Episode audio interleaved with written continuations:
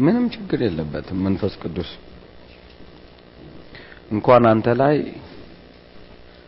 ጨርቅ ላይም ዘይት ላይም ይጠቀማል። ስለዚህ ብዙ ቢግዲል አይደለም። እንኳን አንተ ላይ አህያ ላይም ተጠቅሟል። ስለዚህ አይግረምህ። ጌታ እየተጠቀመብኝ ነው፣ ስለዚህ እግዚአብሔርን ፈራለሁ ልትል አትችልም።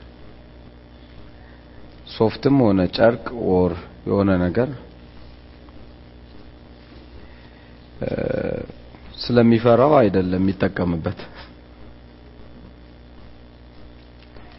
የሰው ልጅ የሚሸወደው በዚህ ነው።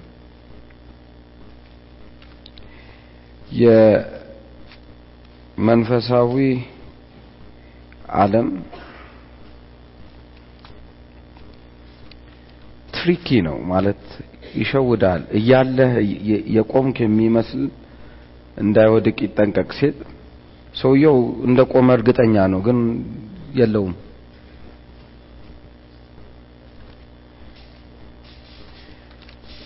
እና ሰው የሚጎዳው እግዚአብሔር ከሱ ጋር እንደሌለ እግዚአብሔር ከሱ ጋር እንደሌለ አይመስለውም። ምክንያቱም ከሚያስደነግጥህ ነገር ነፍሰ ገዳይም ሆነ ኃይለኛ የፈውስ መንፈስ ሊያልፍብህ ይችላል።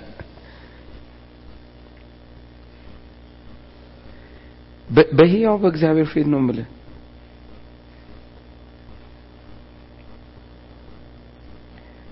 እየሰራ የእግዚአብሔርን ስራ እየሰራ ላይኖረው ይችላል። ለዚህ ነው መንፈሳዊ ነገር ይሸውድሃል። ጸጋው function በህይወት ላይ function እያደረገ እየተጠቀመ አንተ ግን የለህም። ሳምሶን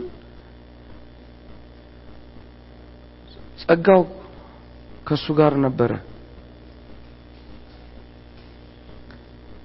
ይህ ነው እግዚአብሔር በቃሉ ኤ ከፍልስጤም ወይ ከሌላ ጋር አትጋቡ ተብሎ ተጽፏል። የሙሴ ትእዛዝ ነው። እንደውም ይገደል ነው የሚለው። የሚገርመው ነገር እየሄደ እንኳን እዛ ገሊላ ጋር ሄዶ እዛ እየተኛ እየተነሳ እየወጣ እዛ አግብቶ በራሱ መንገድ እየኖረ የሚገርመው ነገር ፍልስጤም መጡበት ሲጩ ተነስቶ ይሰራለታል። መንፈሳዊ ነገር በጣም ትሪኪ ነው።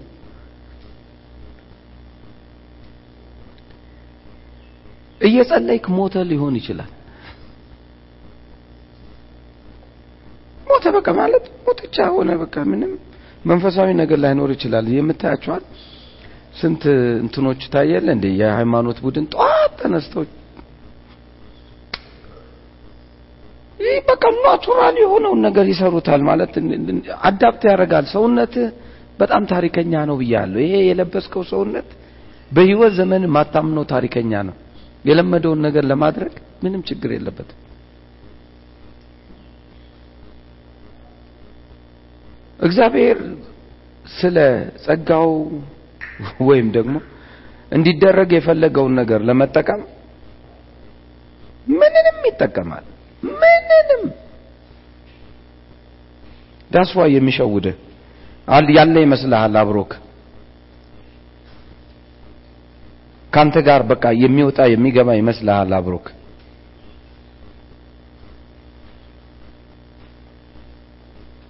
ነገር ግን የለህም። የምትሰራው ስራዎች ሁሉ right የሆኑ ይመስላል። ትዝ መጽሐፍ ቅዱስ አንድ ቦታ ላይ ሲናገር? ስትገድሉ ዝም አልኳችሁ ስትሰርቁ ዝም አልኳችሁ ስትዋሹ ዝም አልኳችሁ ሌሎች አማልክትን ስታመልኩም ዝም አልኳችሁ። እኔ ከእናንተ ጋር የተባበርኩ መሰላችሁን? ሌባውን ባያችሁ ጊዜ አብራችሁ ትሮጡ ነበር ማለት ሰዎች እኮ በ church ነው ያሉት፣ በ church ነው የሚኖሩ፣ በ church ነው የሚወጡ፣ በ church ነው የሚገቡ። life ኣቸው በሙሉ የተያዝ ግን እግዚአብሔር የለም። እኔ እነሱ ለዚህ ነው መንፈሳዊ ነገር tricky ነው፣ በጣም ይሸውዳል። ራስን check ማድረጊያው መንገድ እግዚአብሔርን መፍራት ብቻ ነው። እያገለገልከው የለህም፣ እያገለገልከው በያው በእግዚአብሔር ፊት እያገለገልከው በህይወቴ የሚደንቀኝ ነገር ልንገራችሁ። በ1976 የተፈጠረ በነጮቹ አቆጣጠር እናንተ ሰዎች ሰዎቹን ቅዱስ ቁርባን ብሎ ጌታ ምጽአት ነው ብሎ የጌታ ራት ነው ብሎ መርዝ አብልቷቸዋል እና ሁሉንም ገደላቸው። እሱም ወስዶ ሞተ። ወደ ስድስት ሺህ የሚደርሱ ሰዎችን ልምሽክ አድርጎ ገደለ። the mass killer ነው የሚሉት። ተከትለውት ፓስተር እኮ ነው by the way healing ሲሰጥ ብታየው ለጉድ ነው። መልእክት ሲያመጣ ለጉድ ነው። ይናገራል፣ መልእክት ያመጣል። ውሸት አይደለም፣ እውነት ነው የሚያመጣው መልእክት። እግዚአብሔር ጠቅም ይጠቀምበታል። ክርስቶስን ነው የሚሰብከው። አዎ ክርስቶስን ነው የሚሰብከው። እግዚአብሔር ከሱ ጋር እንዳለ ይመስለዋል። ለሚያደርገው ነገር ሁሉ ምልክት ስለሚያይ እግዚአብሔር ከማ ጋር ያለ ይመስለዋል፣ ከሱ ጋር ያለ ይመስለዋል። ያ ምልክት የሚሰራው እግዚአብሔር ለአንድ ዓላማ፣ ለምሳሌ ይሄ ሶፍት ማንኛውንም በሽታ ይፈውስ ብሎ እግዚአብሔር ቢቀመጥበት ማንም ሰው ሶፍቱን ቢነካ ምን ይላል? ይፈወሳል። that's all ያ ማለት ፈውሱ የሆነ ልዩነት አለው ወይ? ምንም ልዩነት የለውም። ይሄም ሰውዬ the same ነገር ነው። ሰው የሚለካው መንፈሳዊው ዓለም በእግዚአብሔርን በመፍራት ብቻ ነው። ሰው የሚለካው መንፈሳዊው ዓለም እግዚአብሔርን በመፍራት አንድና አንድ ነው። እሱም በመፍራት ውስጥ ብቻ የሚሄድ ነው። ባይዘው እንደምትፈራው አንተው ራስህ ነው የምታውቀው። አንተው ራስህ ያንን ነገር የምትመለከተው። ውስጥ ይመሰክርልሃል። ከራስህ ጋር ነው ውስጥ ይመሰክርልህ። የምትፈራበት angle ኦች ስናስቀምጥ የተናገርናቸው አለ። እነኛ እነኛ ነገሮች በ life ህ ውስጥ apply ያደርጋሉ ወይ ነው ጥያቄው። ለምሳሌ መዝሙር 24 ነው 34 24 34 ልጆች ሆይ ኑ እግዚአብሔርን መፍራት አስተምራቸዋለሁ እንጂ እግዚአብሔርን መፍራት ውይ እኔ ወደዋለሁ፣ ፈራዋለሁ፣ ምናምን እንቀጠቀጣለሁ ምናምን ነው። እሱ ውሸት ነው። ፈርተውም ተንቀጥቅጠውም አታውቅም። እቅጩን ወቀው። እግዚአብሔርን የምትፈራ ከሆነ ህይወትን የሚፈቅድ ሰው ማን ነው? በጎንም ዘመን ለማየት የሚወድድ እግዚአብሔርን የሚፈራ ሰው ነው በጎና ህይወትን ፈቅዶ መኖር የሚችል። ስለዚህ በጎ ዘመን ማየት ትፈልጋለህ? it's so simple። ህይወትን ፈቅደ መኖር ትፈልጋለህ? መልካም ነገር በህይወት እንዲመጣ ትፈልጋለህ? simple። እግዚአብሔርን የሚፈራ ከመልካም ነገር አይጎሉም ነው ያለው። አትጎሉም። ስለዚህ አንደበትህን ከምን ከልክል? ከክፉ ከልክል። እውነተኛው ነገር ይሄ ነው። ክፉ ነገር ታወራለህ ወይ? እግዚአብሔርን መፍራት ክፉ ነገር አለማውራት ነው የመጀመሪያው step። ክፉ ነገር አለማውራት። ለምን መልካም ይሁን ማለት የምታያቸው ሰዎች ወይ ምናምን ማንም ይሁን አንደበትህን ከክፉ ከልክል። ቀጥሎ ያለውን ነገር ስትመለከተው ከንፈሮችም ሽንገላን እንዳይናገሩ ማለት አትዋሽ። እኔ ልንገር ለህሊናህ ኑር። በያው በእግዚአብሔር ፊት ለህሊናህ ኑር። ምንም ጌታ ይቀየመኛል ምናምን ማለቱን ተውና ለህሊናህ ኑር። ህሊናህ ምንድን ነው የሚልክ? ህሊና ኑር ማለት ለህሊናችን ተገዛን አይደለ ያለው ጳውሎስ ሲጽፍልን ዕብራውያን ለህሊናችሁ ተገዙ። ለህሊና መገዛት የሚባል ነገር አለ። እዚህ ህሊና ምንድን ነው የሚለው? ተወው። ቀባብተኸው ሰንበዲን ለማሸነፍ ብለ ወይም ሰንበዲን ለማለት ብለ ቀባብተህ ብታስከልለው ምንም አይጠቅምም።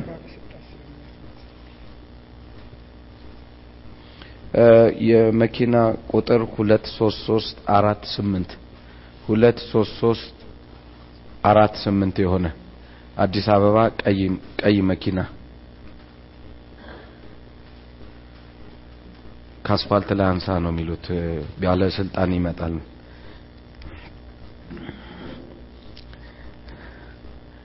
ኦኬ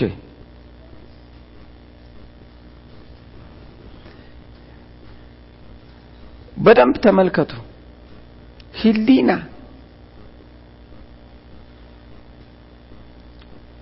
ህሊና የመጨረሻ ወሳኝ ነው። የምትኖረው ለህሊና ይሁን እስቲ ማለት እግዚአብሔር እኮ የመለሰልህ ህሊናህን ነው። ህሊናህን ነው ለማንም ህሊና አትኑር፣ እስቲ ለራስህ ኑር። መፍራት ማለት ልንገርህ ለህሊናህ መኖር ነው። ሌላ በኋላ ለሚቀጥሉ ትምህርቶችን በጣም ስለምንመጣ በዚህ ጎዳና ላይ እናያለን። እግዚአብሔር መፍራት ሌላ ቦታ ላይ ህሊና እንደሆነ ህሊና ምን ይላል? ሌላው ምንም አይደለም። ህሊና ምን ይላል? ስትሸነግል ህሊናክ ምን ይላል? የራስን መንገድን ስታጠበጥብ ሰንበዲን እየጎዳ ስትሄድ ህሊና ምን ይላል? ለምትፈልገው ሳቲስፋክሽን ብለ ወይም ለምትፈልገው አንተ ከሰንበዲ ለምትፈልገው ነገር ብለ ህሊናን ሸጠ ትገባለህ። ህሊና ምን ይላል? የህሊና ጉዳይ ነው። ህይወት ህሊና ነው። ህይወት ህሊና በኢየሱስም በጎ ህሊና ማለት ይሄ የተፈጠረው የእግዚአብሔር ላንተ የሰጠህ ነገር ቢኖር ይሄን ህሊና ነው።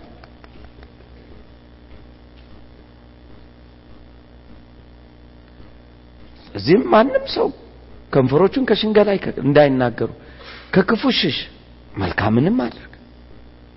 በቃ ከክፉ መሸሽ። እግዚአብሔርን ፈራለሁ ካልክ ከክፉ ሽሽ። ማረጋገጫ ምናምን አትፈልግ። right ነው wrong ነው፣ ክፉ ከሆነ ክፉ ነው። በቃ just move on። እግዚአብሔር የሚያስችል አቅም ቢሰጠኝ ኖሮ ይሆን ነበር። አትዋሽ፣ አትዋሽ። ክፉ ክፉ ነው። በቃ አለቀ። ማለት መስሎ የምትገባበት መስሎ የምትወድቅበት መስሎ የምትነሳ ሊኖር ይችላል። doesn't mean anything ግን አንድ ነገር ካወክ በኋላ ግን you don't have to be ህሊናክ ምን ይላል? አንዳንድ ሰው ህሊናውን ሸጦ እንደሚኖር ታውቃላችሁ። እያወቀው ህሊናውን ሸጦት ይኖራል። እግዚአብሔር ያንን ነው የሚጠላው። እግዚአብሔር ምን ይላል? አትፈራኝም ይላል። አትፈራኝም። ልጸልይ ትችላለህ፣ በልሳን ልታመልክ ትችላለህ። ኦ ለሻማ ጋር ሩባ ጋር መልእክት ሁሉ ልታመጣልን ትችላል። ግን ህሊና የለም፣ ህሊና የለም። በህይወቴ የገጠመኝ ላውራችሁ። እንደው ጉድ ነው። በህይወት ስታልፍ ነው እግዚአብሔር መፍራት learn እያረክ የምትሄደውና በአንድ ሌሊት እግዚአብሔርን መፍራት አትማርም። እኔ ሀሳብ እንጂ ምሰጥ እግዚአብሔርን መፍራት day to day የሚመጣ የ life style ነው። ከትምህርት ቤት ወጥተን ሙሉ ወንጌል church እንጸልይ ነበር እና ሙሉ ወንጌል church ስንጸልይ አሮ ነው ጊታር የምትጫወተው ቀዩዋ ልጅ ማን ነበር ስሟ? ጉዳይ ጊታር የምትጫወተው? ጊታር ዘማሪ የነበረች ልጅ። አንድ ቀይ ቀዩዋ ብቻ እሷ እሷ ጊታሯን ይዛ ትመጣለች እና እሷ ትጫወታለች። እዛ ቹቹ እና ትዘምራለች እና ጸሎት በጣም ሞቅ ብሏል። በቃ ሁሉም የሆኑ ልጆች ገቡ፣ ሞቅ አረጉት። እዛ ዞር ብዬ አየኋቸውና ውስጤ ሌባ አለኝ። በእግዚአብሔር ፊት ነው። ከዛ ሙሌ የሚባል ልጅ ነበረና ሙሌ ስም አልኩት። አረ እነኚህ ልጆች ሳይ ሌባ ይለኛል። አረ እኔም ሌባ ይለኛል። ከዛ በቃ አሞቁት። ከዛ እንትናቸው ስትመለከተው እንደዚህ ነው የሚያዩት።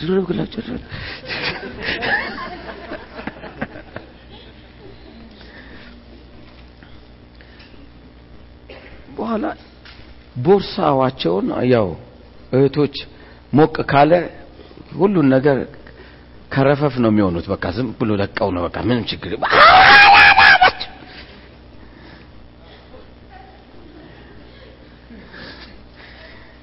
ከዛ ጥለው ልጆቹ አንደኛው እንደዚህ ቆምና ኳን ማራ ባጋቸው ብረ መስል ኳን ያኛው ደግሞ ቦርሳውን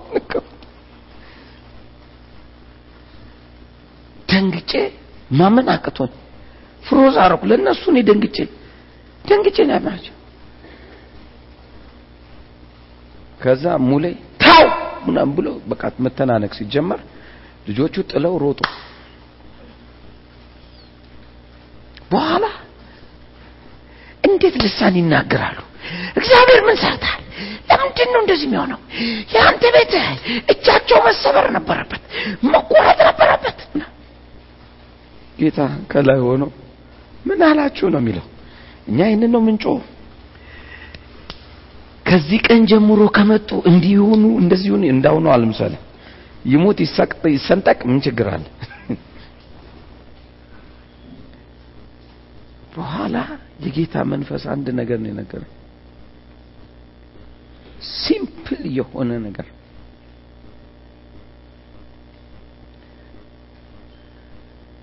በእኔና በእነሱ መካከል ሊያገናኘን የሚችል ፍርሃት ብቻ ነው አለ። ፍርሃት በሌለው መልክ ግን ልንገናኝ የምንችለው ግዑዝን ነገር እንደ መገናኘት ነው አለ። ግዑዝን ነገር ለምሳሌ ይህን ስክሪፕቶ እግዚአብሔር አረፈበት፣ የሚጽፈው ሁሉ ያልፍበታል። period አረፈበት። ስክሪፕቶ ምንም ህብረት የለውም ከእግዚአብሔር ጋር። ለካ የክርስትና ህይወት ከእግዚአብሔር ጋር የሚያገናኘው ነገር ቢኖር ፍርሃት ብቻ። ፍርሃት ብቻ ነው የክርስትናን ህይወት ከእግዚአብሔር ጋር ሊያገናኘ የሚችል።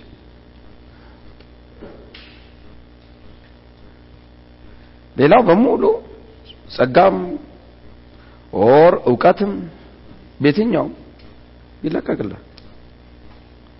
ስለ ጌታ እንደ ልብ ልታወራ ትችላል። የሚገርም የሚገርም ነገር ሁሉ ልትናገር ትችላል። ቃላቶች በጣም ምርጥ ምርጥ የሆኑ ሁሉ ልታወራ ትችላል። ሰዎችም ተከታይም ልታፈራ ትችላል። ምንም ማለት አይደለም።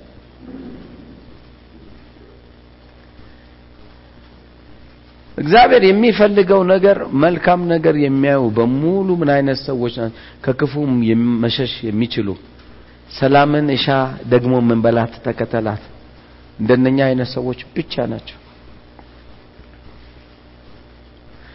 ስለ ሰዎች መጥተው ሲያወሩ፣ ሰዎች መጥተው ይቅርበል ሲሉ፣ ሰዎች መጥተው እንደዚህ ነው፣ ሰዎች መጥተው እንደዛ ነው ሲሉ የምትመልስላቸው መልስ ነው የህይወት ወሳኝነት። እግዚአብሔር መፍራት እንደዛ ነው። ባይዘው እግዚአብሔር መፍራት ተገልጦ የሚታይ ነገር ነው እንጂ እግዚአብሔር መፍራት በልብ ነው። ልብማ የጨቡዴ ነው። ሰው ከልጅነቱ ጀምሮ የሰው ልጅ ከልጅነቱ የልቡ ሀሳብ ክፉ ነው አይደለም የሚለው እና ታዲያ ምን ጦርነት ውስጥ ያለው ክፋት ጋር አይደል? ውጪ ያለው መቼ ሆነና ውጭ ያለውማ ጥፋልኝ ስትለው ይጠፋልሃል። ውስጥ ያለውን የት ሂድ መኖሪያዬ ነው ብሎ እየኖረብህ ስለዚህ እግዚአብሔር የሚፈልገው ፍርሃት የተባለው ሲመነዝረው የመጀመሪያው የትምህርት አይነት እግዚአብሔርን መፍራት ማለት ከክፉ ከንፈርህን መከልከል ነው። ሽንገላን ማቆም ነው። ከክፉ መሸሽ ነው። ሰላምን መሻት ነው። ሰላም ያለበት ቦታን መከተል ነው። እንዲህ ስታደርግ እግዚአብሔር መፍራት የሚባለው ነገር ነው። እኔ ልንገር፣ ምንም አይነት የመንፈስ ቅዱስ ጸጋ ባይገለጥብህ መቶ በመቶ መቶ በመቶ ባይገለጥብህ ለዘላለም እንኳን ይቅር እግዚአብሔርን ፈርተ የምትኖር ከሆነ ከመልካም ነገር አትጎልም። ሕያው እግዚአብሔር ምስክሬ ነው። አቤግዩ አቤግዩ አውሽ አውሽ እንዳንተ የሚነግረኝ ሰው ከልጅነቴ ቢኖር ኖሮ ብዙ የትግል መንገዶች የሄድ ነው። የሚያሳዝን life ውስጥ የገባ ነው። ስለ ፍርሃት ያስተማሩን ትምህርት ሌላ ዓለም ስለሆነ ብቻ ነው።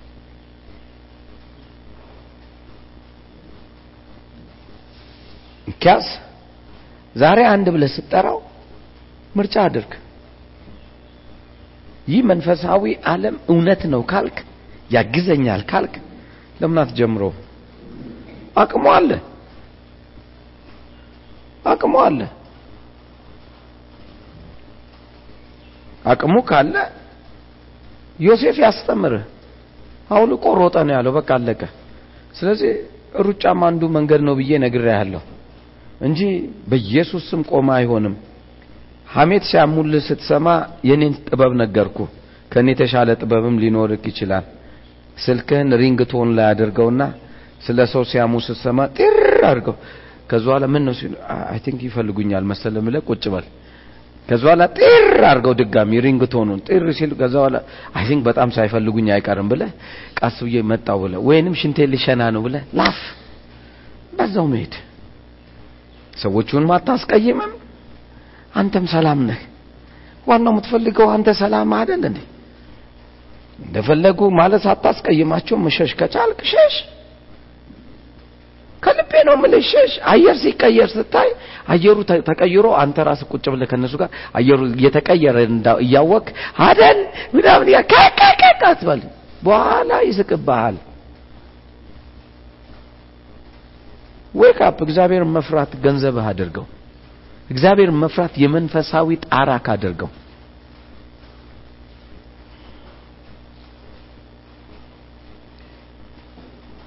ስለዚህም በህይወትህ ውስጥ መዝሙር 34 ቁጥር 7 እስከ 9 ያለው ነገር ለአንተ ትልቁን ህይወት ተማርበት። ዛሬ የምንመለከተው ካለፈው የቀጠለውን ነው። ግማሽ ላይ ነው ያቆምኩትና ቀጥለዋለሁ። እሱ ምንድን ነው? ሚልኪያስ ምዕራፍ 3 ቁጥር 16 ጸሎትና እግዚአብሔርን መፍራት ብዬ ነክቼላችሁ ነው የቆመው ሰዓት ስላለቀ። ሚልኪያስ ምዕራፍ 3 ቁጥር 16 የዛን ጊዜ እግዚአብሔርን የሚፈሩ እርስ በርሳቸው ምን አረጉ? ተነጋገሩ። እግዚአብሔርም ምን አለ? አደመጠም፣ ደግሞ ምን አረገ? ሰማም። ማድመጥና መስማት ባለፈው ነግሬያቸዋል። አሁን ቃቃቃቃቃ የሚል እንትኑን ትሰማል፣ ታደምጠዋል፣ ግን አትሰማው፣ ወደ ውስጥ አታስገባው። እግዚአብሔርም ያደምጣል፣ ጸሎትን ያደምጣል። የሚሰማቸውን ብቻ ነው የሚመልሰው። ድምፁ ደንቆሮ ስላልሆነ እግዚአብሔር ያደምጣል። ልክ አንተ አሁን ቆርቆሮ ቃቃቃቅ ይላል፣ ነገር ግን የምታደምጠኝ እኔን ነው እና የምትሰማኝ እኔን ነው። ማድመጥ ከሆነ ድምፁን ታደምጠዋል። እግዚአብሔርም አደመጠስ የሚል ነገር ከሰማ መጽሐፍ ቅዱስ ቀጥሎ ያለው ሰማም ነው የሚለው። በሙሉ የእግዚአብሔር ቃል ስሰማ ወደ ጩኸታቸውን ሰማ እስከሚል ድረስ ማድመጥ ከሆነ ልክ እንደዚሁ ነው። attention አይሰጥም። መስማት ግን attention ይሰጣል። እግዚአብሔር ፊት ላይ ሁለት ሰዎች ተስማምተው ሲጸልዩ ምን ይላል? ያደምጣል። ምን አይነት ሰዎችን? የሚፈሩ የሚፈሩ ሰዎች ይሰማቸዋል። ከዛስ በኋላ ምን አረገ? እግዚአብሔርም ለሚፈሩ ስሙንም ለሚያስቡ የመታሰቢያ መጽሐፍ ምን አረገ? በፊቱ ተጻፈ። ስለዚህ ምን ማለት ነው? ሁለት የሚፈራ ሰው ብታገኝ ወይም አንድ ሰው የሚፈራ ሰው ብታገኝ ብራዘር ምንም ሌላ ነገር አታርክ። ከሰውየው ጋር ጸልይ። ጸሎት መታሰቢያ እንደሚኖረው መቶ በመቶ ነኝ። ድጋሚ እነግርሃለሁ። መታሰቢያ እንደሚኖረው መቶ በመቶ ነኝ። ምርጫ ነው። ነግሬሃለሁ። በህይወቴ ከማንም ሰው ጋር መጸለየው ሰውየው የሚፈራ ሆኖ ካገኘው ብቻ ነው። እግዚአብሔር ጸጋ ይገለጥበታል ምናምን ጥሩ ነው። የጸጋውን ያህል ምን ይበል መገልጦ ሊጸልይልኝ ይችላል። በእኔ ጉዳይ ላይ እንድጸልይ ከፈለኩ ግን ተራ ልጅ ሊሆን ይችላል። እዚህ ግባ የማይባል ሊሆን ይችላል። እግዚአብሔርን ግን የሚፈራ ሰው ነው ብዬ ካመንኩ ጸሎቴ ተሰምቶ እንደተመለሰ አምናለሁ። ምክንያቱም መነጋገር ብቻ እንኳን ጸሎትን እንዲሰማ ያደርጋል። መነጋገር ጀስት ማውራት የዛ የዛ ህይወትን ተለማመድ። የዛ ህይወት ወሳኝ ስለሆነ ኢየሱስ ጋር መተን ያወራነው ነበረ። ያም ምንድን ነው? ዕብራውያን ምዕራፍ አምስት ከቁጥር ሰባት እስከ ስምንት ዕብራውያን ምዕራፍ አምስት ከቁጥር ሰባት እስከ ስምንት እንደዚህ የሚለው ቃል ተመልከቱት። በጣም ደስ የሚለኝ ቃል ነው። እርሱም በስጋ ወራት ከሞት ሊያድነው ወደሚችል ከብርቱ ጩኸትና ከእንባ ጋር ጸሎትንና ምልጃን ምን አረገ? አቀረበ። ተመልከቱ። ጾሟል? አዎ። ስለዚህ ጾም አይከለከልም። ምልጃ አድርጓል? አዎ፣ ምልጃ አድርጓል። በብርቱ ነው የጸለየው። እንባ አልቅሷል? አዎ፣ ሁኔታው ተሰምቶት ምን ብሏል? አልቅሷል። ነገር ግን ለመሰማት ግን እግዚአብሔር ሰምቶ ለመመለስ ግን የሚቀጥለውን ቨርስን ያለውን ተመልከቱ። እግዚአብሔርን ስለ መፍራቱ ተሰማለት ጸሎቱ። የተሰማለት እሹ ስለ ምልጃ ስለማድረጉ አይደለም።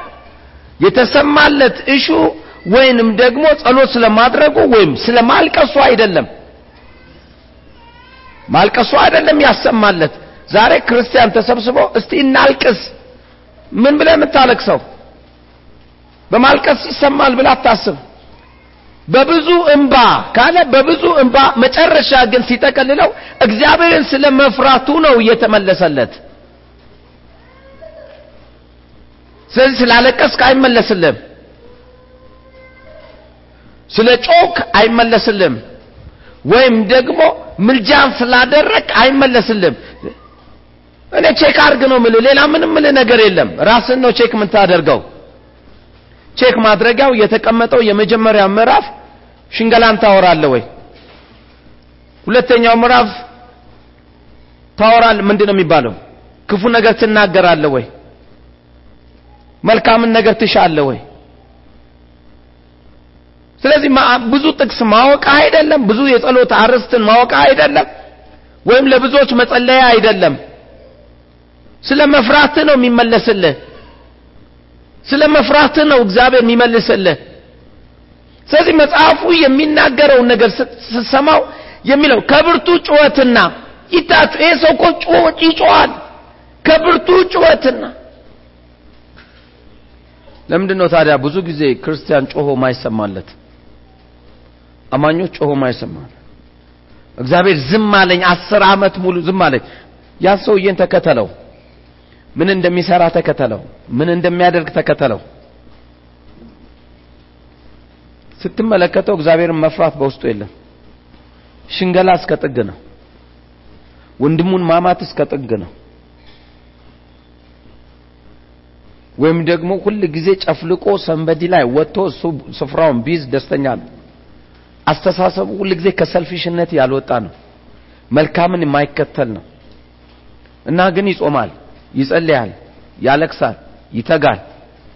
መንፈሳዊ ነው የሚባለውን ነገሮች ሁሉ ያደርጋል። ውጤት ግን ኔፓ። ለምን ሆነ? ምክንያቱ የሆነበት ምክንያት አንድ ነው። እግዚአብሔርን መፍራት በውስጡ የለም። እግዚአብሔርን መፍራት በውስጥ ሲኖር እኔ በሕያው በእግዚአብሔር ፊት እነግራለሁ። እግዚአብሔርን መፍራት ሲኖር ነገሮች በሙሉ ባልገመትከው መንገድ ላይ ሁሉ ነገሮች ወደ ስኬት ይመጣሉ። እንዴት እንደሆነ አታቅም። ነገሮች ሁሉ ወደ መሳካት ነው የሚመጡት። ምክንያቱም ከመልካም ነገር ምን አይልም አይጎሉም ካለ ምን አይልም አይጎሉም ብዳሷል። እግዚአብሔርን የሚፈራ ከመልካም ነገር አይጎልም ካለ የምትጎድልበት መንገዶች ሊገኙ አይችሉም። responsibility ው እኔ ወስዳለሁ ነው እግዚአብሔር። ስለምትፈራኝ እኔ responsibility ውን ወስዳለሁ። ስለምትፈራኝ እኔ ያደርግልሃለሁ። ስለምትፈራኝ እኔ ይህን ነገር እፈጽምልሃለሁ። ስለምትፈራኝ ይህን ነገር ወደ ፍጻሜ አደርስልሃለሁ። እግዚአብሔርን ስለመፍራት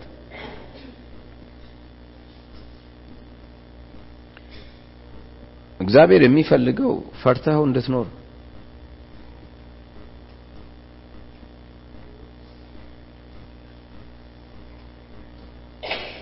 ይነው የሚፈሩት ሰዎች ብቻ ነው በእውነት የሚያመልኩት። ደግሜ እላለሁ የሚፈሩት ሰዎች ብቻ ነው በህይወት በእውነትና በህይወትም የሚኖሩት የሚያመልኩት። ህይወቱ ሳይኖር ጌታ ተጠቅሞብህ እኮ መሄድ ህይወቱ የሚባል ምንም ሳይኖር በመጨረሻው ቀን ላይ እንኳን ስትቆም ምናምን ታምራት ሰርቻለሁ፣ ድንቅ አድርጌያለሁ፣ እንዲህ ሰርተናል፣ እንደዛ ሆነናል፣ እንደዚህ ፈጥረናል፣ በስም እንዲህ አላረግንም፣ በስም እንደዛ አላቃችሁም። እግዚአብሔር የሚፈራው ሰው ጋር ነው ህብረት ያለው። አላቅም ነው የሚልህ። የፈለከው አይነት ሰው ሁን፣ አላቅም ነው የሚልህ። በመፍራት ውስጥ ያለ ነው። ይህ ለእስራኤል ህዝብ ትልቅ ነገር ያሳያቸው ነገር ከሚደንቀኝ ነገር ብቻ ፍሩኝ አለ። እግዚአብሔር መጥቶ እንዲህ ቢልህ ብቻ ፍራኝ፣ ሌላ ምንም ከአንተ የምፈልገውን ብቻ ፍራኝ። ምንድነው መፍራት ስለው ሽንገላን አትናገር፣ ወንድምን አትማው፣ ብቻ ፍራኝ። መልካም ነገር ምን ፈልግ፣ እሻ፣ ተከተላት፣ ከክፉም ደግሞ ሽሽ። በቃ እኔ እኔ እኔ እወዳለሁ። የዛ ጊዜ እኔ ካንተ ጋር ሆናለሁ። እንደምትፈራኝ ያወቅኩት ይሄ ነው። መቼም ጥበብን የሚከተል ሰው ተግሳስን ይቀበላል ይላል። አሁን ልኮንንህ ወይም እንትን ልልህ አይደለም የምፈልገው የምፈልገው ነገን የምትኖረውን ኑሮ እንድትኖር ነው። ነገን ዛሬን ተው። እስከ ዛሬ የመጣበትን እርሳው። ወደ ኋላ ዞረ ብታየው ኖሮ ምንም ነገር የምታመጣው ነገር የለም። ወደፊት ግን ለመሄድ ስለሆነ የምታስበው ወደፊት ለመሄድ ደግሞ እግዚአብሔር prepare ያደረገው የህይወት መስመር አለ። ለዚህ ነው መጽሐፍ ቅዱሳችን ላይ አንደኛ ሳሙኤል ምዕራፍ 12 ቁጥር 24 ላይ ብቻ እግዚአብሔርን ፍሩ ያደረገላችሁንም ታላቅ ነገር አይታችኋልና በፍጹም ልባችሁ በእውነት አምልኩት። you know ለማምለክ ራሱ ፍርሃት ነው። ብቻ እግዚአብሔርን ፍሩት።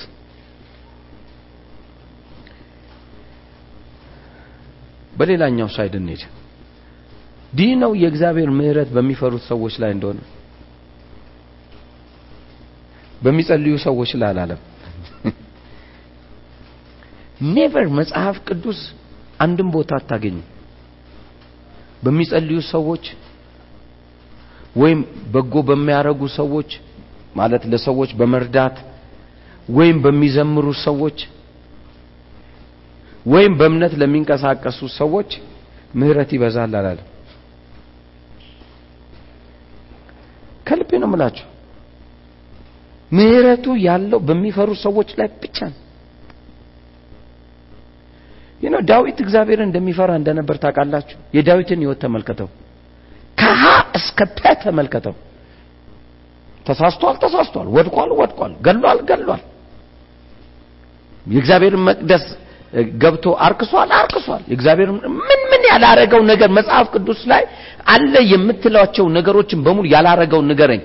የህጉ መተላለፍ ነው የምትለውን ነገር ተላልፎታል። ሁሉም የምትለውን ተላልፎ ያለ ሰውዬ ግን እግዚአብሔር ምሕረቱን በእኔ ላይ አበዛ ብሎ ያወራል። ለምንድን ነው እግዚአብሔር ምሕረቱን? ዳዊት እንዲኛ እንዲህ አይነት ሰው ነበረ። መውደቅን መጠቀሚያ ነው የሚያደርገው። ማለት ወደቀ አይደል? ወድቅ ያለው ብሎ በዛ ነገር ላይ አይቀጥልም፣ ይባናል፣ ይነቃል። እግዚአብሔር ራሱ ሲመጣ እንደ ልቤ ለኔ የተለየ እንደ ልቤ ነው እሱ። ለምንድን ነው እንደ ልቤ ያለው? በደንብ አስተውል እዚህ ጋር ለምን እንደ ልቤ እንደ ልቤ ያለበት ምክንያቱ አንድ ነው የሚሰራውን ወይም የሚያደርገውን ወይ የሚፈጽመውን ወይ የሆነ ነገር የሚያደርገውን አያየውም የሚያየው ልቡን ነው።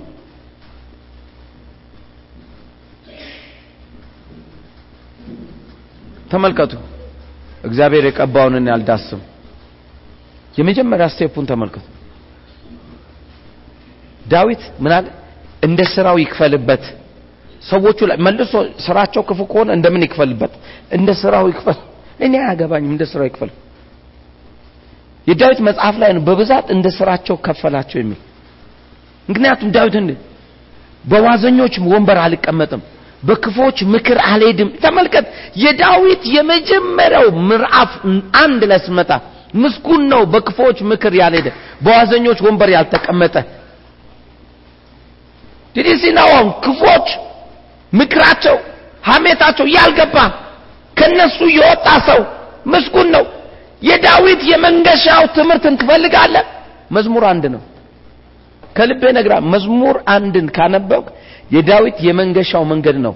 የእግዚአብሔር ምህረት ለምን በሱ ላይ በዛ ብትለኝ መዝሙር አንድን አንብበው።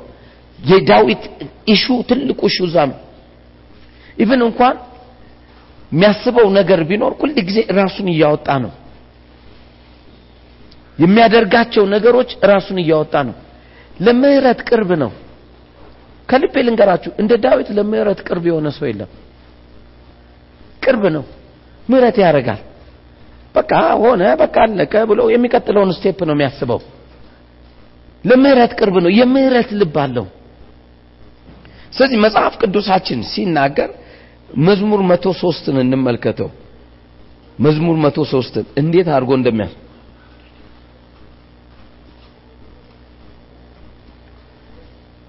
ደምድሞ ነው የሚያወራው ዳዊት። መዝሙር መቶ ሶስት ቁጥር 17 እና 18 እንዲህ ላይ የእግዚአብሔር ምህረት ግን ኬት ኬት ይላል? ከዘላለም እስኬት እስከ ዘላለም። የእግዚአብሔር ምህረት ግን ከዘላለም እስከ ዘላለም በሚፈሩት ላይ በምን ላይ? ድጋሚ በሉት። ድጋሚ በሉት። Okay። የእግዚአብሔር ምህረት ግን ከዘላለም እስከ ዘላለም በሚፈሩት ላይ ጽድቁም በማ ላይ? በልጅ ልጆቹ። በኢየሱስ ስም።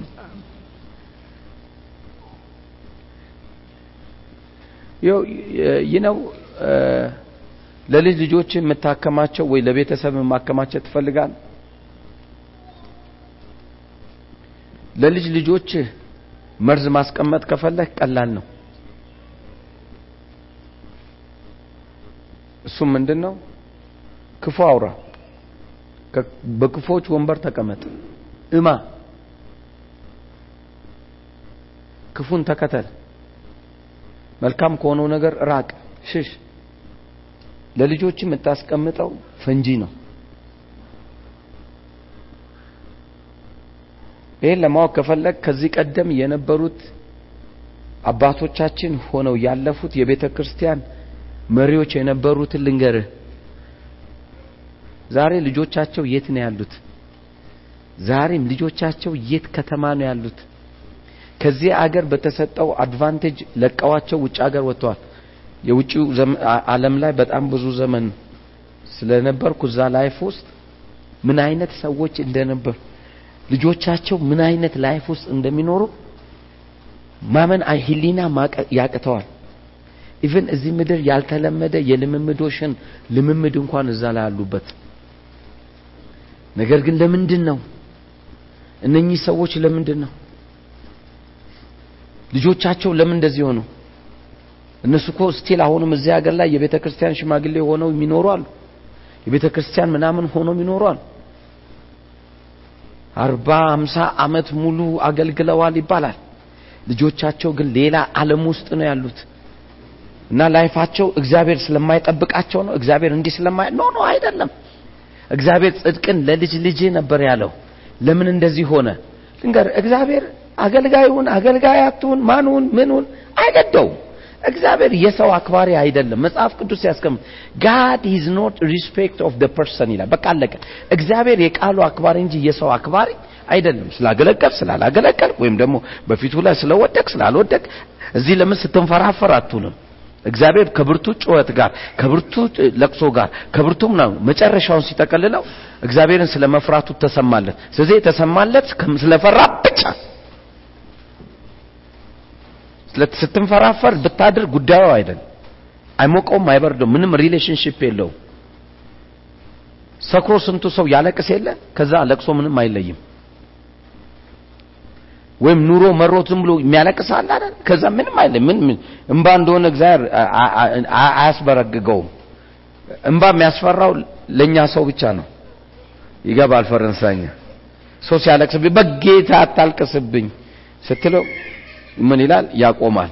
ከዛ የምትፈልገውን ነገር አገኘህ ማለት ነው። ለቅሶ እንትን እንዳልሆነ ማወቅ ከፈለክ የሆነ ነገር እንደማያመጣ ማወቅ ከፈለክ እቺን ህፃን ጠይቃት። ከልቤ ነው የምነግርህ።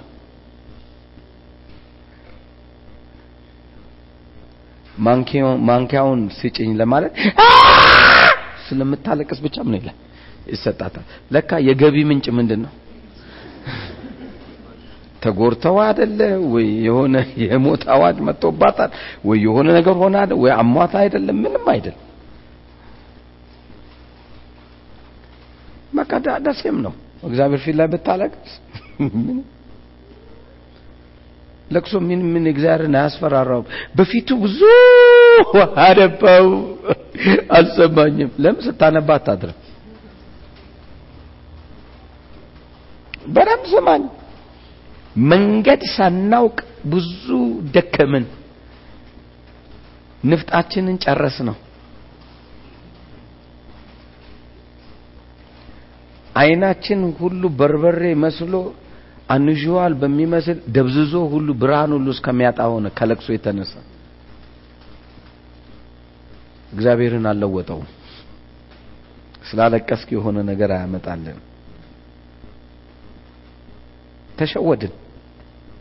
ዋጋ ከፈለን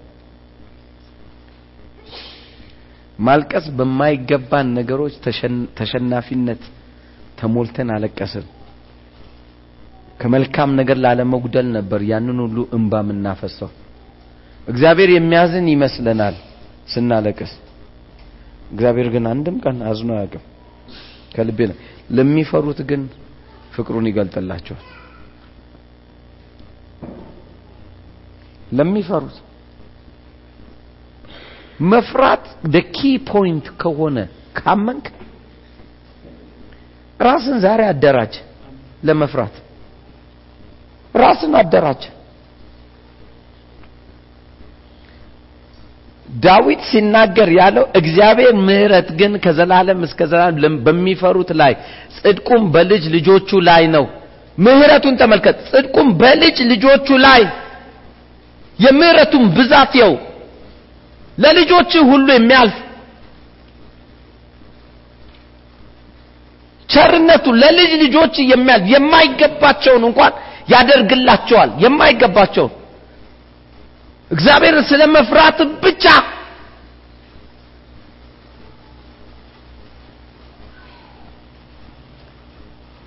ጽድቁም ለልጅ ልጆቹ ላይ ነው። ቃል ኪዳኑን በሚጠብቁ ትእዛዙንም ያደርጋት ያደርጋት ዘንድ በሚያስቡት ላይ ነው። ዲድ ነው ቃል ኪዳኑ ምንድን ነው የሚለው? እግዚአብሔርን የሚፈራ ከመልካም ነገር ምን አይልም? አይጎልም ስለምፈራ ነው እሱን እንጂ ስለማያስፈልገኝ አይደለም። ስለምፈራ ነው ይሄንን ነገር ማደርገው። ስለምፈራ ነው ያንን ነገር ምሰራው። ስለምፈራ ነው ከክፉ ጋር ማልቀመጠው በዋዘኛ ወንበር ላይ ማልቀመጠው በሐሜተኞች ሰፈር ማልገኘው። ስለምፈራ ነው። ስለማይጠቅመኝ አይደል። ለጊዜው የሚጠቅመኝ ነገር ሊኖር ይችላል። ከነሱ ጋር ባብር ሌላ የሚሰራ ስራ ልሰራ እችል ይሆናል ለጊዜው ተጠቃሚ ሰው ሆኜ ላመልጥ እችላለሁ። ነገር ግን እግዚአብሔርን መፍራት ግን ከነኚህ ሁሉ ምን ይላል? ይከለክላል ግድ የለም። ልጣ የነሱን የእግዚአብሔርን አገኛለሁ ይላል። ኢቭንዞ ያላየኸው ዓለም ነው የእግዚአብሔር ዓለም። ነገር ግን ተስፋ ታደርጋለህ። ለዚህ ነው ደስ ይለኛል በምህረቱ የሚታመኑት ይላል በኢየሱስ። በምኑ ለሚታመኑት? በምህረቱ ለሚታመኑት። ዳዊት ትልቁ እሹ ምህረት ላይ ነው። ስለዚህ ገላል ተብሎ ይገደል ሲባል ህጉ አዎ መሞት አለበት ይላል ህጉ። ዳዊት ጋር ሲመጣ አይ እግዚአብሔር ምን? ስለሚፈራኝ መሞት የለበትም ምህረት አለው ይላል። ምስጉን ነው ብለዋል። በክፎች ምክር ያልሄደ በዋዘኞች ወንበር ያልተ ህጉን በቀንና በሌሊት ምን ይላል? ያስባል። በወንዞች ፈሳሾች ዳር እንደተተከለ ምን ይሆናል? ዛፍ ይሆናል። ፍሬዋንም በጊዜው እንደሚሰጥ ይሆናል። ይሄ ሁሉ የፍርሃት ውጤት ነው። ይሄ ሁሉ በፍርሃት የምትገባበት የምትወጣበት ውጤት ነው። ስንቶቻችሁ እዚህ ቤት ላይ ለሚመጣው ትውልድ በጎ ነገር ማስቀመጥ ትፈልጋላችሁ? ብል እዚህ ሁላችን yes ሁላችንም ነው የምንለው።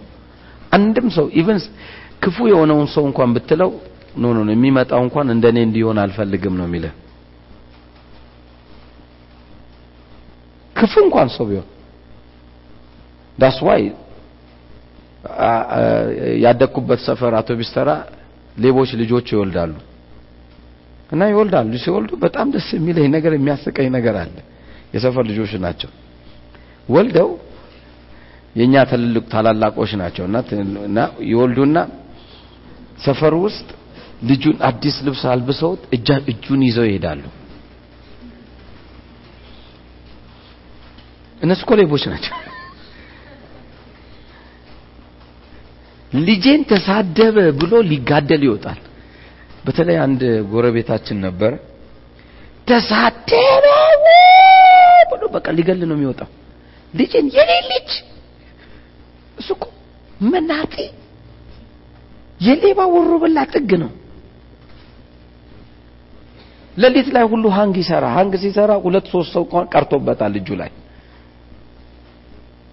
ግን ልጁ ግን እና አንድ ቀን አስታውሳለሁ አቤም ለምንድን ነው እንደዚህ ለልጅ የምትሆነው ስለው እኔ እንድሆን አልፈልግም። እሱ እኔ እንድሆን አልፈልግም። ይታያችሁ እሱ እንዲሆን አይፈልግም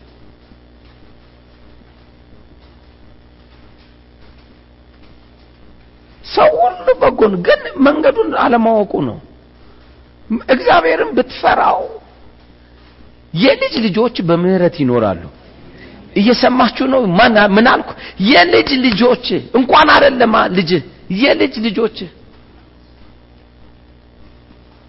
እስቲ ቆም በልና እፈራለሁ ወይንስ አልፈራም? ደፋር ነኝ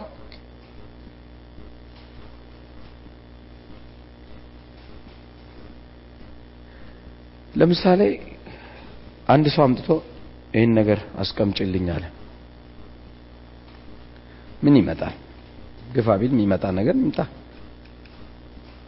አወደመችው። ከዛ ሰውየው መጥቶ ጠየቃል አላቅም አላየሁም። ከልብን እግዚአብሔር ከላይ ሆኖም እንደሚታውቃላችሁ። መታ እዚህ ሃሌሉያ ምን ይሰናል አቤት ሁሉን ችላል። መልእክት መጣልኝ ዛሬ ምን የሚል? ሁሉን የሚችለው ከአንቺ ጋር ወጥቷል የሚል። ፈሻካታ ያቺው ስሙኒ ላይፍ ትገፊያታለሽ እንጂ መልእክቱ የሚሰራው በአንድ መልክ ብቻ ነው። ህብረት ላለው ሰው።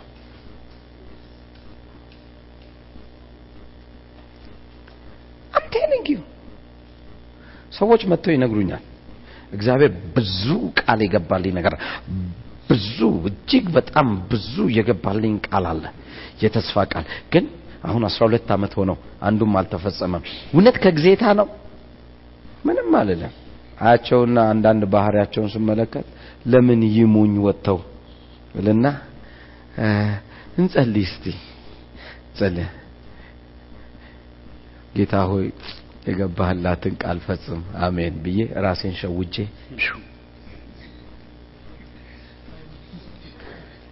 ነገር ግን ከወደድኩት ግን ሰውየው እንዳይጠፋ ከፈለግኩ ግን አይቼው መልካም መስሎ ከታየኝ ሰውየውን ሳየው ከልቡ ጌታ የሚፈልግ ከሆነ exactly እነግረዋለሁ በሕያው በእግዚአብሔር ፊት exactly እነግረዋለሁ።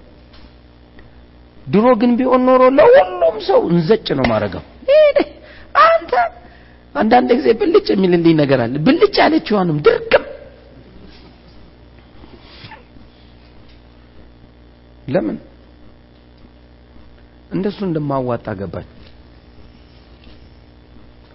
ግን ለአንተ ነግርሃለሁ የተስፋ ቃል በሙሉ ተሰጥቶኝ አንዱንም አላየውም ካልክ እስቲ እግዚአብሔርን መፍራትን check አድርገው። even የተስፋ ቃል እንኳን እግዚአብሔር ምንም ባይልክ በሕያው በእግዚአብሔር ፊት ምንም ባይልክ በመፍራት ግን ሁሉን ታገኛለህ። መድረስ ያለብህን ሰፈር ምን ማለት ትችላለህ? መድረስ ትችላለህ። በቃ that's all ምክንያቱም እግዚአብሔር አብሮክ እየኖረ አብሮክ ካንተ ጋር እየወጣ አንተ ካንተ ጋር እየገባ አብሮክ ምናምን እያደረገ ላንተ በጎ ባይሆንልህ ኧረ ነውር ነው። እግዚአብሔር እንደሆነ እኮ ከልቤ ልንገር፣ እግዚአብሔር የመጨረሻ ደግ ነው።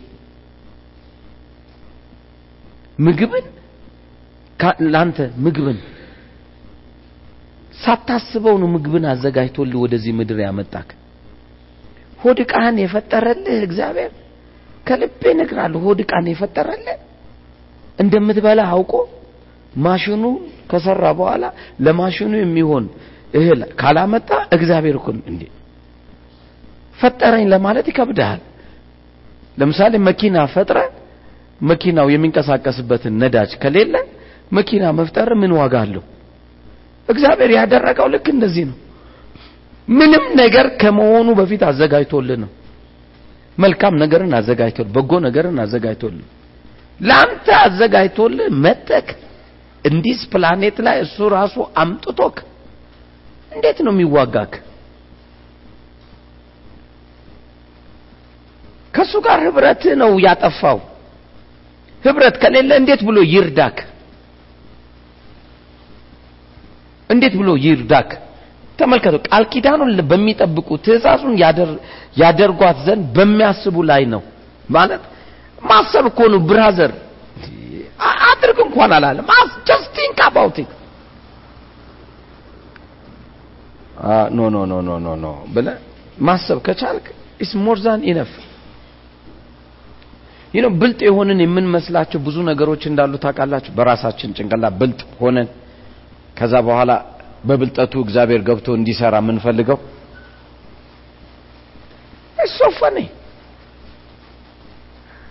ዞሮ ይይዝሃል፣ ዞሮ ያጠምድሃል።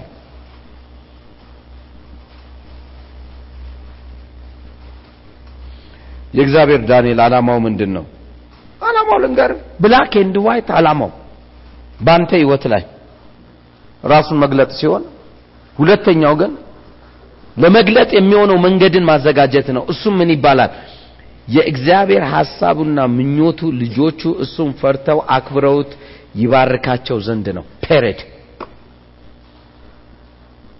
በቃ እሱም ፈርተውት አክብረውት ይባርካቸው ዘንድ ሌላ ምንም finally ለራስህ ነው ማለት ነው መፍራት።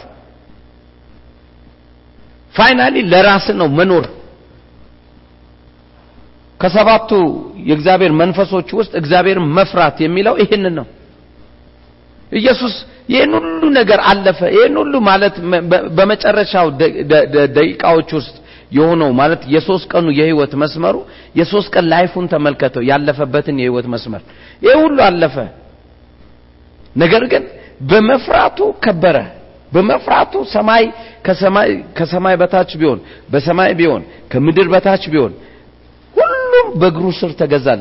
በስሙ ለሚጸልዩ ሰዎች በሙሉ ስራው ይሰራ አለ። ይህን ያህል ጉልበት ሁሉ ለስሙ ተንበረከ። ፍጥረት ሁሉ የእሱ ልጆች መናፈቅ ማለት ወንድሞቹ ይወጡና ይታዩ ዘንድ ፈቀደ። ይህንን ሁሉ ስጦታ የሰጠው እግዚአብሔር በመፍራቱ ብቻ ነው። በመፍራቱ ብቻ ነው። የሚፈሩት ሰዎች ከመልካም ነገር አይጎሉማ። ለመፍራት ማሰብ ነው። ደግሜ እላለሁ፣ ለመፍራት ማሰብ ነው። ሌላ ብዙ መገለጥ አታምጣ። ለመፍራት ማሰብ just ማሰብ brother፣ just think ምክንያቱም መጽሐፍ ቅዱስ ለሰው ልጆች አቅም የተሰጠው የማሰብ ኃይል ላይ ነው የማሰብ ኃይል ላይ ነው ስለዚህ ምን አለ እንኳን even እንኳን ክፉ ሰዎች ሲመሽም ክፋትን ያስባሉ በነጋም ጊዜ ክፋት ምናቸው? ሀሳባቸው ምን ያገኛቸዋል? ኃይል ይሆናቸዋል። ስለዚህ ኃይል የሆናቸው ምኑ ናቸው ነው? ሀሳባቸው ሌሊት ላይ ግን ያስቡታል። እግዚአብሔር ደግሞ okay አስብ። መልካም ለማድረግ አስብ። just think ስታስብ ቃል ኪዳኑን ስታስብ እግዚአብሔርን መልካም ነገርን ስታስብ ከበጎ ሰዎች ጋር አብረህ ስትጓዝ ለበጎ ነገር እጅህን ስታነሳ ለበጎ ነገር ማድረግ አለብኝ ብትለው ነገር ስታደርግ እኔ እነግርሃለሁ የዛ ጊዜ simple የሆነ life ይመጣልሃል። ያም life ምን አይነት መሰል? ብዙም የማያታገል የመልካም life የመባረክ life በመውጣት በመግባት የሚሰራ life ዳንኤል እንዴት ነው የሚሰራ? ኦ እኔ እነግርሃለሁ ተፈትነ ራስን ፈትነኸው። ክፋት ካላገኘክ በጣም ቆንጆ ነው። እኔ እሱን አይቼው ክፋት ካሰብኩ ግን እኔ ነኝ። እሱ ግን ራሱን አይቶ ክፉ ነገር ከሌለው ግን እሱ ነው። እውነተኛው እግዚአብሔር ሲያይ እኔ እንደማየው አይደለም። ለዚህ ነው መጽሐፍ አይን እንደሚያየው አይፈርድም። ጆሮ ምን እንደሚል እንደሚሰማው ምን አይልም። አይፈርድም ወይም አይበይንም ስለዚህ ልቡን ኩላሊቱን ማንነቱን የሚያይ የሚመረምር ሀሳቡን የሚያገን እግዚአብሔር አለ። ስለዚህ አንዳንድ ጊዜ ሀሳባቸው ሌላ ሆኖ ልባቸው እንትን ልባቸው ሌላ ሆኖ ድርጊታቸውን የሚሰሩ ብዙ ሰዎች አሉ። በጣም ብዙ ሰዎች። all የምናየው ነው ማለት life ን የምናየው ልብህ ሌላ ነው። ነገር ግን ለዛች ሰከንድ ብለህ ወይም ለዛች ነገር ብለህ የምታደርገው ነገር ሊኖር ይችላል ልታታልል የምትችልበት መንገድ ሊኖር ይችላል። ነገር ግን ልብህን ነው እግዚአብሔር count የሚያደርገው። ሰዎች አይተው ጃጅ ሊያደርጉ ይችላል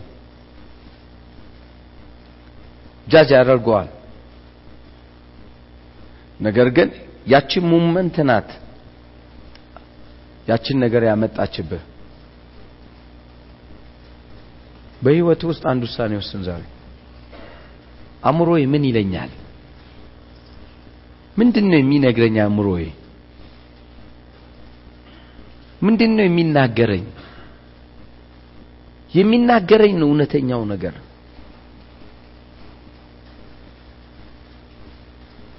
የሚናገረኝ እውነተኛው ነገር ነው።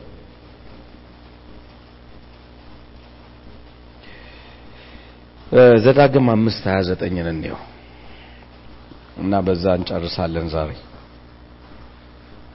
ዘዳግም አምስት ሀያ ዘጠኝ።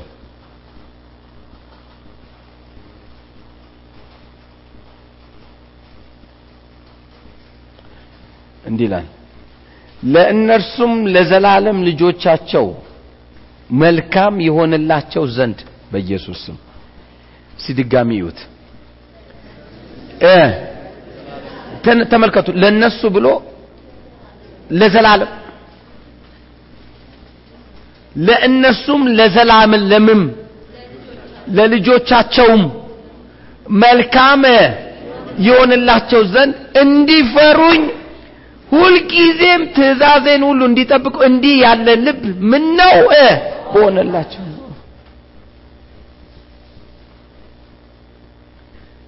ለምን ያወራል? እግዚአብሔርን ፍራኝ ብሎ just ፍራኝ በቃ አለቀ።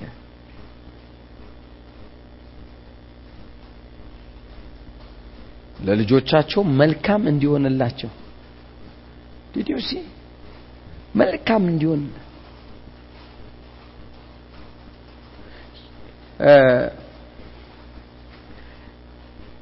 ብዙ እግዚአብሔርን ስትለማመደው የሚመስል ነገር ቢኖር ስትቆጣም ስትነጫነጭም ስትሳደብም ወይም ደግሞ እንትንም ስትል በቃ የሚታይ ነገር በቃ እግዚአብሔር ቀጥሎ ስለሚሰራ ምንም አይመስልም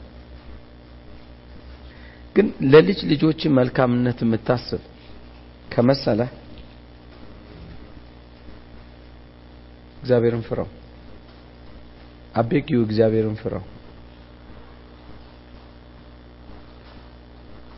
መፍራት ጀመር። በአዲሱ ትርጉም የሚለውን ላሳየ።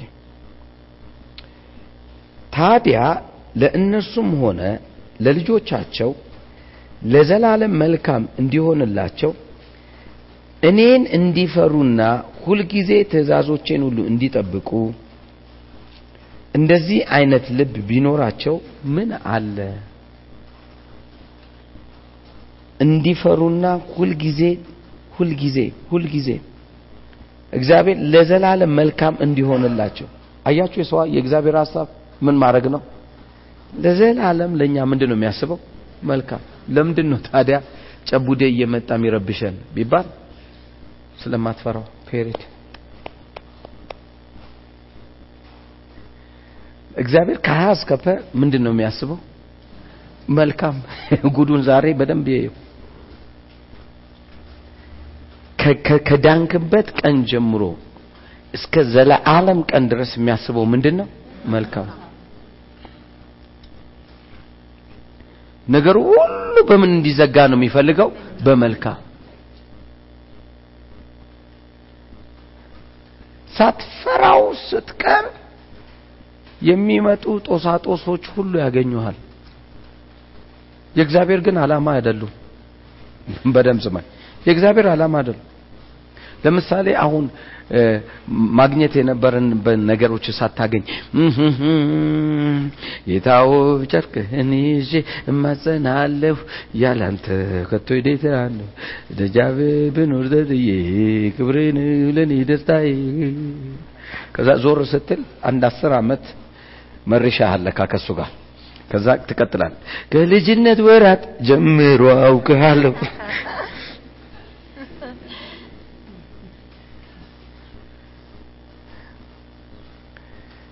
ከልቤ ልንገርህ። የትኛውም ጦስ ውስጥ የገባኸው እግዚአብሔር መልካም ሳያስብ አይደለም። ካለመፍራት የመጣ ጦስ ነው። ማናችንም ብንሆን በደም ስማኝ። የትኛውም ነገር እዚህ ውስጥ ነው ያለው። አምሮክ ውስጥ አምሮክ ውስጥ ካለ እግዚአብሔር የሚፈልገው ለዘርህ የሚሆን ለሁል ጊዜ በኢየሱስ ስም እንዴት ብዬ እንደምነግራችሁ ለሁሉ ቀን በየሰከንዱ እግዚአብሔር ምኑን ማሳየት ነው የሚፈልገው? መልካምነቱ።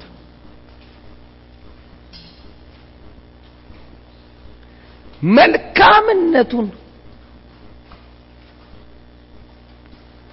ይሄ ማለት አትወድቅም ወይም አትነሳም ወይም ድምና አላልኩም ልትወደቅ ትችላለህ። ግን እስቲ ወደ መፍራት ተመለስ። እየሰማችሁኝ ነው?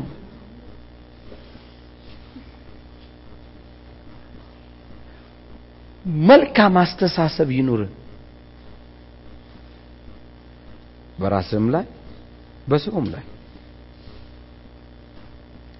ያ ማለት በቃ እግዚአብሔር ፈርዶብኛል ማለት ነው። ይህን ሁሉ ዘመኔን ጠማማ ሆኜ ነው የኖርኩት እንኳን ጠማማ ሆነ ኖርክ። ከዚህ በኋላ ግን ቀናሁን። በቃ አለቀ። this is period ከዛ በኋላ ወደ ጠማማነት ዞረው ይገባኛል። ምን ይገባል? ለእኔ ሞትስ አይገባኝም? ይነ ብዙ ሰዎች ይጽፉልኛል። በቀን ሶስት ወይ አራት ጽሁፍ አነባለሁ። ሞት ዳይመንድ ለሆነበት ሰው ምን ትላለህ? መሞት እፈልጋለሁ ብለው የሚጽፉልኝ ቢያንስ በአንድ ቀን ውስጥ ሶስት አራት በትንሹ ሞባይል ላይ text ያደርጋል እና ይገርመኛል። በምህረቱ የሚታመን ሰው ስለ ክፋቱ አያስብም። ስለማትፈራው ለራስህ ህይወት እንኳን አትፈራ ሰው ባይዘው እግዚአብሔርን ፈራለሁ ካለ እግዚአብሔርን ፈራለሁ ካለ ህይወቱን ይፈራታል ያከብራታል አጠገብ ላለው እንኳን ደህና መጣ በለው ነካ አድርገውና ነገ በደንብ እንገናኛለን በዚህ ጉዳይ በለው ነከርጎ ነው በራሱ ህይወት ላይ የጨከነ ሰው እግዚአብሔርን ፍራ ብትሉ አይፈራ በደም ስማኝ። ነገ ላይ ከመጽሐፍ ቅዱስ አሳያለሁ። በራሱ ህይወት ላይ የጨከነ ሰው እንዴት ብሎ? ያላየውን እግዚአብሔር ከየት ታውቀዋለህ? even እንኳን ስለ ወንድም ወንድሙን ያልወደደ እኔን ሊወደኝ ምን አይልም? አይችልም ምን አልክ ስትለው እግዚአብሔር መውደድህን እኔ የምታውቀው? እሱን ስትወደው ነው። ማለት መለኪያ አድርጎ ያስቀመጠው ሰውየውን ነው። እግዚአብሔርን ደግሞ የሚፈራ ሰው የመጀመሪያ ራሱን ነው የሚፈራው። ያከብራል ለራሱ ክብር ይሰጠዋል። ብዙ ክርስቲያን ብዙ ግድ የለውም። ስለዚህ ግድ ስለሌለው ብዙ የእግዚአብሔር ነገር በልቡ ላይ ከጸጋው ውጪ እግዚአብሔርን ፈርቶና ተሰምቶለት የሚኖር ህዝብ በጣም ጥቂት ነው። ከልቤ እነግርሃለሁ። እንዲሁ ቤት ምንም አገልጋይ ያልሆኑ ሰዎች አላየህም? መንፈሳቸው ደስ ይላል ትሌለ አገልጋይ አይደለም የሚናገሩት ደግሞ ይሆናል። ደስ ይላል። በቃ ሰም ሪዝን እዚህ ግባ አትላቸውም። ነገር ግን ይናገራል። ስለ መፍራታቸው የሚሆን ነገር ነው። ደግሞ ያዙኝ ልቀቁኝ ሻካ ሩካ ማጋ ጂጋ ውቡ ራጋ ምናም ብሎ ሲበጠብጥ ይሄ ሰውዬ በምን በተለየው ትላል? እንዴ ሻካው ሩጋው ተሳስቶ ነው እንዴ? አይደለም ውስጡ ያለው እግዚአብሔር ጋር ህብረት የለውም። መንፈሱ ሊያወራው ይችላል። የጌታ መንፈስ ሊያወራ ይችላል በሰውየው። በአህያም አውርቷልና። ስለዚህም እስቲ ራስን እስቲ ፍራው። የመጀመሪያ ማወቅ ያለብህ ነገር ቢኖር ነገ ላይ በደንብ አሳያለሁ ራስን እስቲ ፈራ አርገው ሴቶ ራስህን ነውና የሚያለማምደው። ሁሌም መብትህን ነው የሚያሳይክ። መብቴ ነው ስትል ፍርሃት ከውስጥ ይጠፋል